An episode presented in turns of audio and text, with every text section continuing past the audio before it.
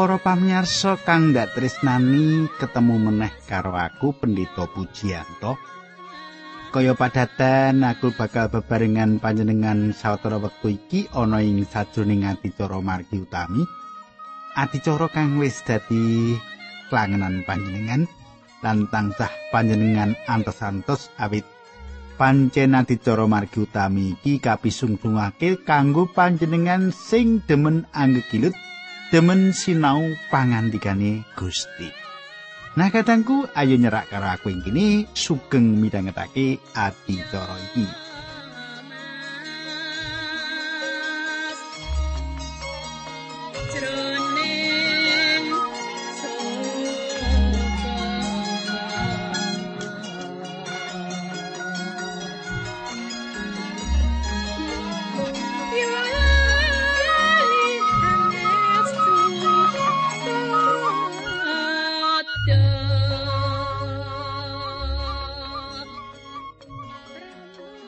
Kadangku apa panjenengan isi kelingan apa sing ndak aturake marang panjenengan ing dina kepungkur?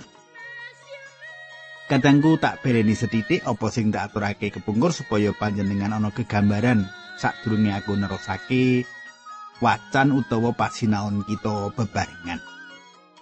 Ing patemon kepungkur, kita wis nyemak yen Gusti Allah ngersakake supaya minangka jejere wong pracaya marang panjenengane kita urip kanthi wedi asih marang panjenengane lan tansah cekelan marang sakabehi pitedhai.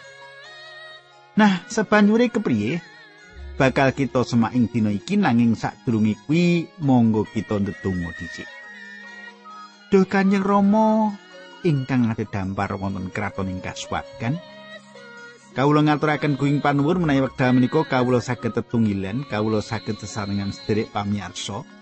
Kawula badhe mbeberaken kayektosan pangandikan paduka supados menapa ingkang abdi paduka andharaken paduka sudekaken paduka sempurnaken kanthi menika saged dados panglipuran saged dados jejeking iman sederek-sederek kawula menika. Dinambaran asmanipun Gusti Yesus Kristus kawula netunggal haleluya amin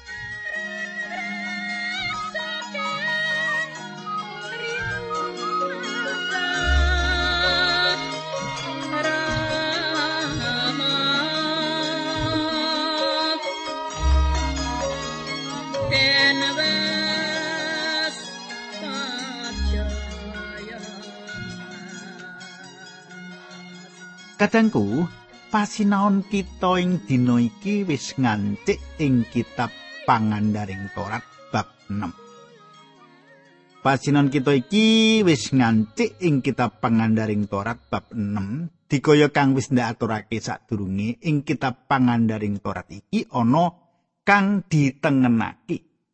Ana kang diutamake yaiku apa? Katresnan lan pambangun turut. Katresnan lan pambangun turut. Sejatine katresnane Allah kuwi dikatonake ana ing sajroning kitab pangandaring Torat. Watonan kang utama ing angger-anggering Torat yaiku katresnan. Awit saka iku Injil dhewe dibeberake ana ing sajroning kitab pangandaring Torat. Panjenengan lan aku nglairake katresnan kita marang Allah ana ing sajroning kita bangun turut marang Allah. Katresnan kita kita lairake marang Allah. Yaiku kanthi bangun turut marang Allah. Nek kita bangun turut karo Allah, iku tegese kita nresnani karo panjenengane. Nah saiki bab 6 ayat 1 nganti loro ing basa pedinan mengkini. Gusti Allah ndawi aku mulangake dawuh-dawuh iki marang kowe supaya padha kok lakoni besok samasa manggon ing tanah sing ora suwe meneh bakal kok leboni. Kowe lan anak turunmu sajeke urip padha ngabekti marang pangeran Allahmu lan nglakonana sakai dawuhe sing arep ndak kandhakake marang kowe supaya kowe kaparingan urip dawa ing negaramu mau. Katanggu ana pangandikan iki kang diutamakake yaiku pambangun turut nek basa Indonesia ketaatan sejatine ana ing jagat iki ana rong kelas wong, rong kelas, rong derajat. Yaiku wong kang tresnani Gusti Allah lan wong-wong kang sengit marang Allah.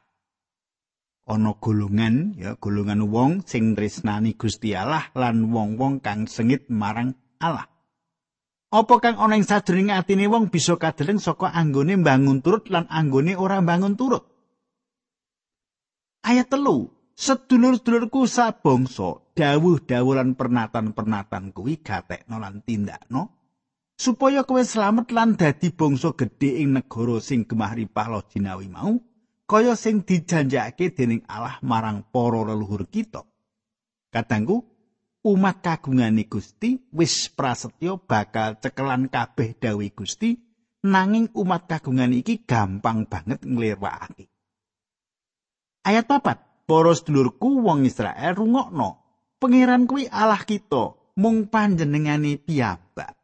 Kadangku apa kang dikandhakake Musa iki sawijining pratela kang ngidapi-dapi tembung pangeran yen basa Indonesia dijarwake Tuhan ana patang aksara kang dilapalake secara aksara YHWH kang dijarwake dadi Yehova Allah iku kajarwake saka tembung Elohim lan sawijining tembung kang rimbake tembung sing nelakake datake. Awet ora ana wilangan kang disebut, wong bisa ngira-ngira yen gunggunge ana telu. Tembung kuwi ngrujuk marang Tritunggal. Ayat iki bisa dicarwakake rungokno heh Israel, Yahweh Allah Tritunggal kita yaiku Allah kang siji. Dawuh kang kudu diparingake bangsa Israel yaiku menehi marang jagat dawuh bab kamanunggalane Allah, Allah kang siji. Yewah Elohim kita yaiku siji Yewah. Ya mengkene iki kang kudu dilantarake marang jagat kang wis dikuasani dening panembahan marang Brahala. Ing jaman kita iki kita uga kudu nglantarake dawuh gegayutan karo Tritunggal Allah yaiku Sang Rama Sang Putra lan Sang Roh Suci. Ayat 5 bab 6 pangandaring Torat. Tresno marang pengiran Allahmu kelawan gumolong ing atimu kelawan gumolong ing nyawamu lan kelawan sekatoging kekuatanmu. Mitraku, Gusti Yesus metik ayat iki minangka dawuh kang paling gedhe saka sekabehi dawuh. Apa panjenengan bisa nindakake dawuh iki? akeh ing antarané kita kang ngakoni yen kita ora bisa nindakake dawuh iki. Kita ora bisa nindakake tresnani Gusti kanthi gumolong ing pikiran, ati lan nyawa kita.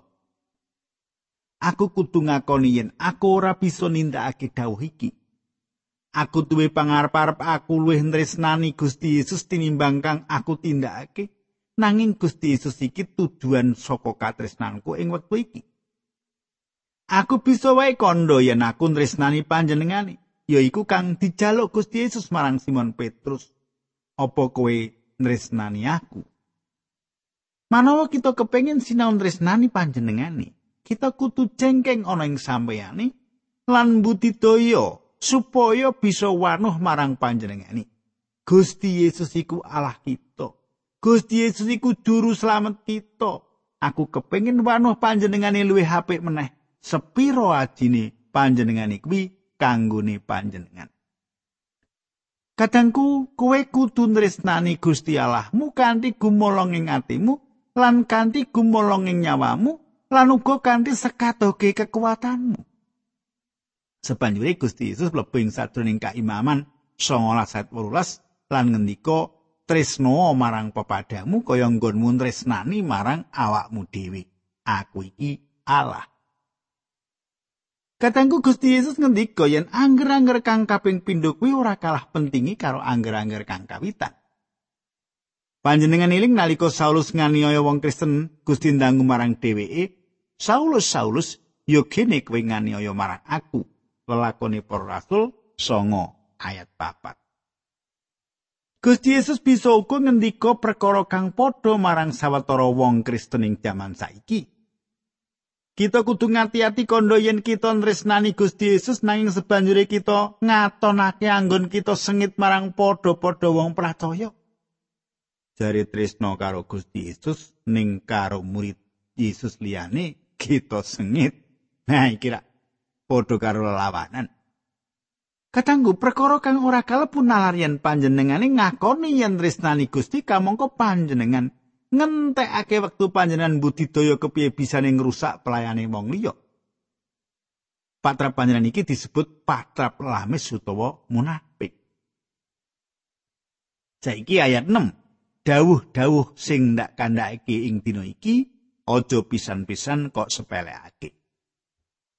Ing sadurunging Jabur 119 ayat 11 Daud kondo dawuh paduka kawula simpen ing manah supados kawula mboten damel dosa dhateng paduka. Pangandikane Gusti Allah saiki kudune disimpen ana ing sadurunging ati kita kataku. Saiki pangandaring Torat bab 6 pitu songo mengkene surasane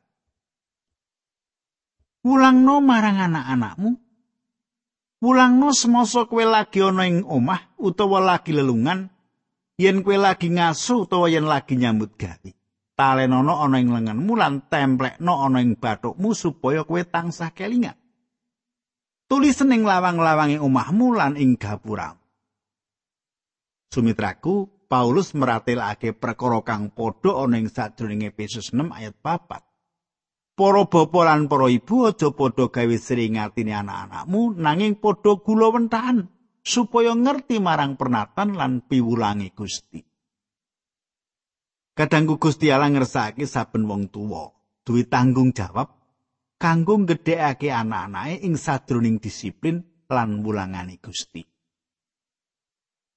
pangandikane Gusti kudu diwulangake ing saben wektu. Gusti Allah ngersakake pangandikane diwulangake marang umat kagungane kaya mengkono kuwi. Pangandikane Gusti kuwi kudu dilantarake marang umat kagungane ing saben ana wewengan. Kenapa kok mengkono? Awit atine menungso kuwi gampang banget nglirwakake Gusti Allah lan nglirwakake margi-margine. Gusti Allah ngelingake marang umat kagungane yen umat kagungane ora dikeparengake nglirwakake panjenengane sawise umat mau mlebu ing tanah kuwi lan ngrasakake berkah peparingi. Sejatine aneh yen nalika uripe wong mau kaberkahan banjur nglirwakake panjenengane kang wis berkahi uripe. Saiki pengandaring Torat bab 6 ayat 13. Ngabektiyo marang pangeran Allahmu lan ngabdiya mung marang panjenengane piyambak lan sumpao mung demi asmane piyambak. Kadangku Gusti Yesus nggunakake pangandikan iki nalika panjenengane digodha dening iblis dikaya kang ditulis ana Injil Matius 4 ayat 10 lan uga Lukas 4 ayat 8. Saiki ayat 16 pangandaring Torat bab 6. Kowe aja nyoba marang pengiran Allahmu kaya tindakmu dhek ana ing masa. Kadangku Pangandikan iki yaiku pangandikan liya kang digunakake Gusti Yesus nalika panjenengane lumawan godane iblis kang ditulis ana ing Injil Matius 4 ayat 7 lan ana ing Injil Lukas 4 ayat 12. Sepisan maneh Gusti Allah paring pitutur marang umat kagungane supaya sregep nindakake apa kang dadi dawuh-dawuh supaya umat kagungane bisa njaga kang diparingake marang umat mau lan bisa nyetakake marang anak-anake uga. Nah saiki tekan ayat 23 24 selawi saka pangandaring Torat bab 6. Mengkene curasani. Panjenengane ngluwari kita saka tanah Mesir, nuli ngirit kita mrene lan maringake tanah iki marang kita kaya sing dijanjekake marang para luhur kita. Mulane alandawi kita supaya nglakoni dawe lan ngabekti marang panjenengane, menawa kita merokake nglakoni kuwi mau kabeh, panjenengane bakal tansah ngreksa bangsa kita supaya tetep urip kanthi tentrem. Menawa kita mbangun turut lan nglakoni kanthi setya saking dawuh-dawuh sing diparingake marang kita, Allah mesti bakal tresno marang kita. Sumitraku kang gak tresnani Gusti Allah wis nuntun umat kagungane metu saka Mesir. Tujuane Gusti Allah nuntun bangsa metu saka Mesir iki yaiku supaya bangsa iki mlebu ing tanah kang wis diprastiyake. Semono kegayutan karo keselamatan kita. Gusti Allah wis nyelametake kita saka pati lan dosa lan paukuman. Gusti Yesus yaiku kayektene kita supaya kita dikeparengake ngadeg ana ing sadroning kahanan kang wutuh ana ing ngarsane panjenengan. Panjenengane wis nuntun kita metu, panjenengane kagungan karso nuntun kita mlebu, ya awit saka iku saiki kita bisa kondo sepisan, aku wis dislametake. Kita wis nampa urip langgeng, kita wis ngadeg ing ngarsane Allah ning sadroning kayekten sawutuhe lan iku awit budi luhur juru slamet kita. Kapindo aku dislametake. Gusti Allah nuju makarya ing sadroning uripku, ngwangun nuntun ngarahake aku supaya aku kaowahan nganti tambah-tambah anggonku padha rupa karo sang putra kang ditresnani dening panjenengani. Iki ora kok mbudidaya kanggo supaya nampani keselamatan, nanging iki nindakake keselamatan ing sadroning urip kita. Cetha ya. Kaping telu aku bakal dislametake. Aja nganti nglokro awit Gusti Allah durung rampung anggone urusan karo aku. Lan aku ora nglokro karo panjenengan awit Gusti Allah durung rampung urusane karo panjenengan uga. Gusti Allah iki durung rampung urusane karo saben wong. Nanging manawa Sang Kristus dinyatakake, kita bakal dadi padha karo panjenengani. Katengku saiki kita nganti ing kitab pangandaring Torat bab pitu. Mengkini ayat siji lan loro ing basa petinan. Pangeran Allahmu bakal ngirit kuwi mlebu ing tanah sing bakal kok enggoni lan bakal nundungi bangsa pirang-pirang saka kono ana ing ngarepmu panjenengane bakal nelokake bangsa pitu sing luwih gedhe lan luwih prakoso ketimbang karo kowe ya kuwi bangsa-bangsa Het, Girgasi, Amori, Kenaan, Feris, Hewi lan Yebus. Yen pangeran Allahmu ngulungake bangsa-bangsa mau marang kowe lan wis kok kalahake bangsa-bangsa mau kudu kok pateni kabeh. Aja pisan-pisan gawe perjanjian karo bangsa-bangsa mau lan aja pisan-pisan kok welasi.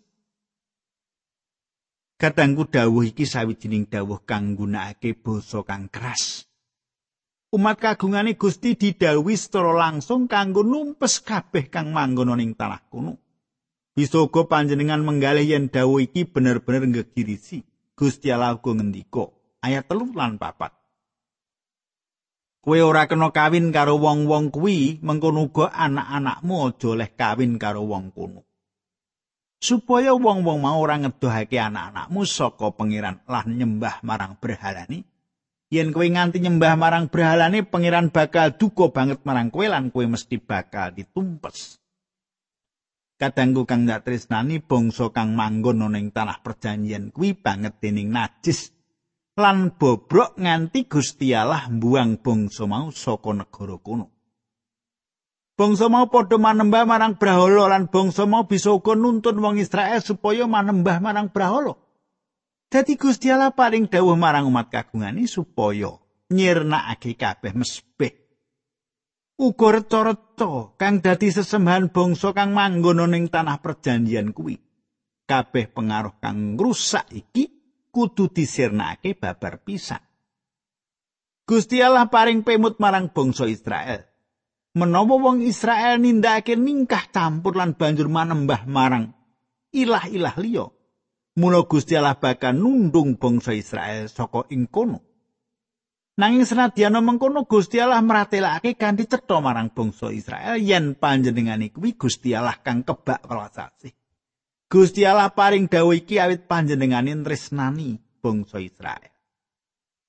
Ayat 678 mengkene surasane kuwi kabeh tindak nomerga kowe kuwi umat kagungane pangeran Allahmu. Saka ing antarané bangsa-bangsa ing bumi kowe kuwi dipilih dening panjenengane supaya dadi umat kagungane piyambak. Enggonmu dikasih lan dipilih dening pangeran ora mergo luwih gedhe ketimbang karo bangsa liya-liyane, malah kowe kuwi bangsa sing cilik dhewe sajagat. Enggone Allah tresna marang kowe iku mergo netepi janjine karo para luhurmu, mulane kowe padha dislametake nganggo kasektene lan diluwari saka nggonmu dadi batur tukon saka tangane raja Mesir. Kadangku Gusti Allah ngendika ana ing kitab pangantasan yen panjenengane wis mirengake tangisan pisambat lan kahanane bangsa kang sengsara. Gusti Allah nanggapi pisambate bangsa iku awit panjenengane tresnani bangsa Israel iki. Panjenengane mbebasake bangsa Israel saka anggone dadi batur tukon iku jalaran saka iku mau Gusti Allah terus-terusan mbaleni perkara iku. Ayat 9 Padha elinga, pangeran Allahmu kuwi Allah sing sejati lan ora ana tunggali. Panjenengan iku setya marang wong sing tresna marang panjenengane lan nglakoni dawuh. Allah netepi janjine lan ngetingalake katresnane kelawan setya marang wong-wong mau tekan turune maewu-ewu. Apa kang dadi jawabane manungsa gegayutan karo katresnane Allah? Yoiku anggone mbangun turut. Ayat 10 lan 11. Nanging panjenengane bakal ora nyabarake paukumane tumrap wong sing sengit marang panjenengane. Mulane kowe padha ngistokno sakae piwulang sing wis diparingake marang kowe, sakae pepakone sing dikandhakake marang kowe ing dina iki lakonono. Katanggu Gusti Allah berkahi sapa wae kang ngaturi tanggapan marang katresnane lumantar nggone mbangun turut. Ayat rolas telulas pangandaring perat bab itu yen kowe setya nglakoni dawuh-dawuh kuwi mau pangeran Allahmu go bakal setya marang perjanjiane karo kowe kaya janjine marang para leluhurmu.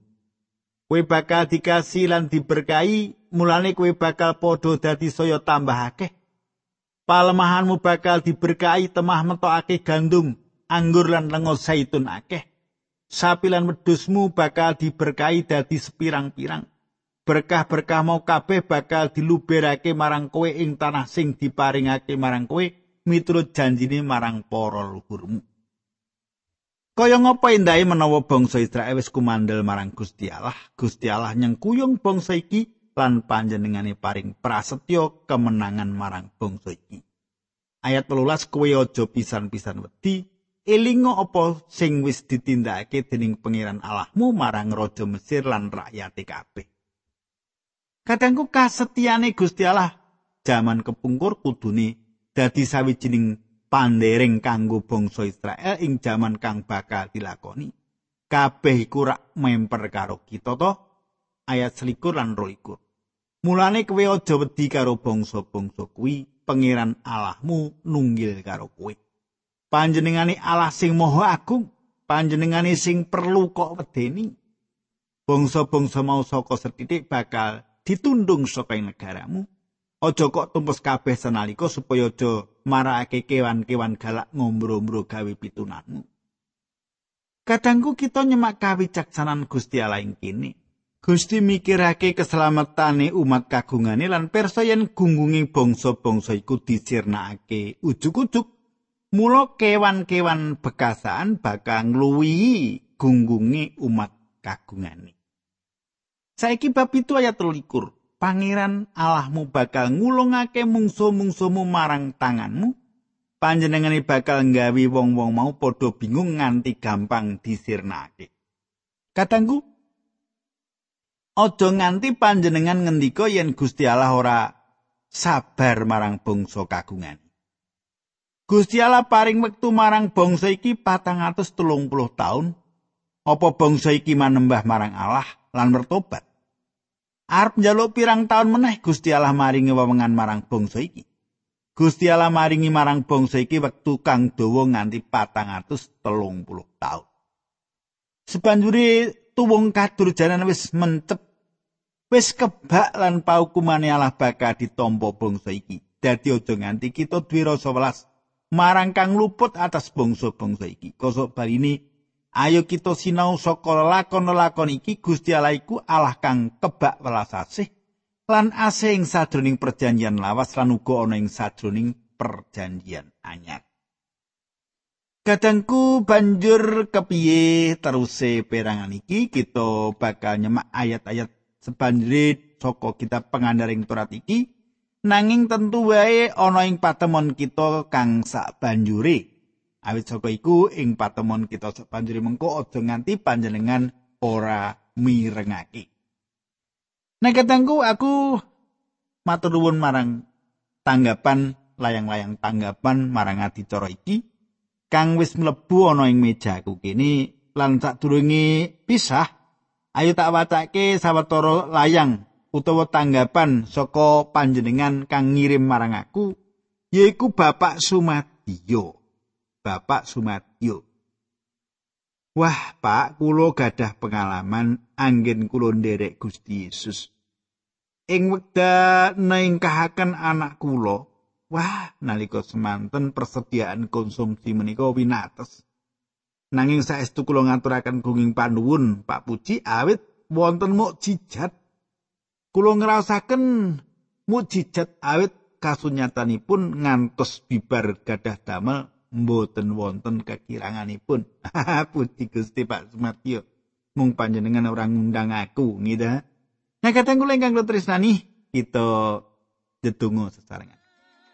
Duh Kanjeng Rama ing swarga kawula ngaturaken kuing panuwun atas tuntunanipun Gusti nganti menika kawula nyuwun berkah patuko dinambaran asmanipun Gusti Yesus Kristus kawula tunggu haleluya. Amin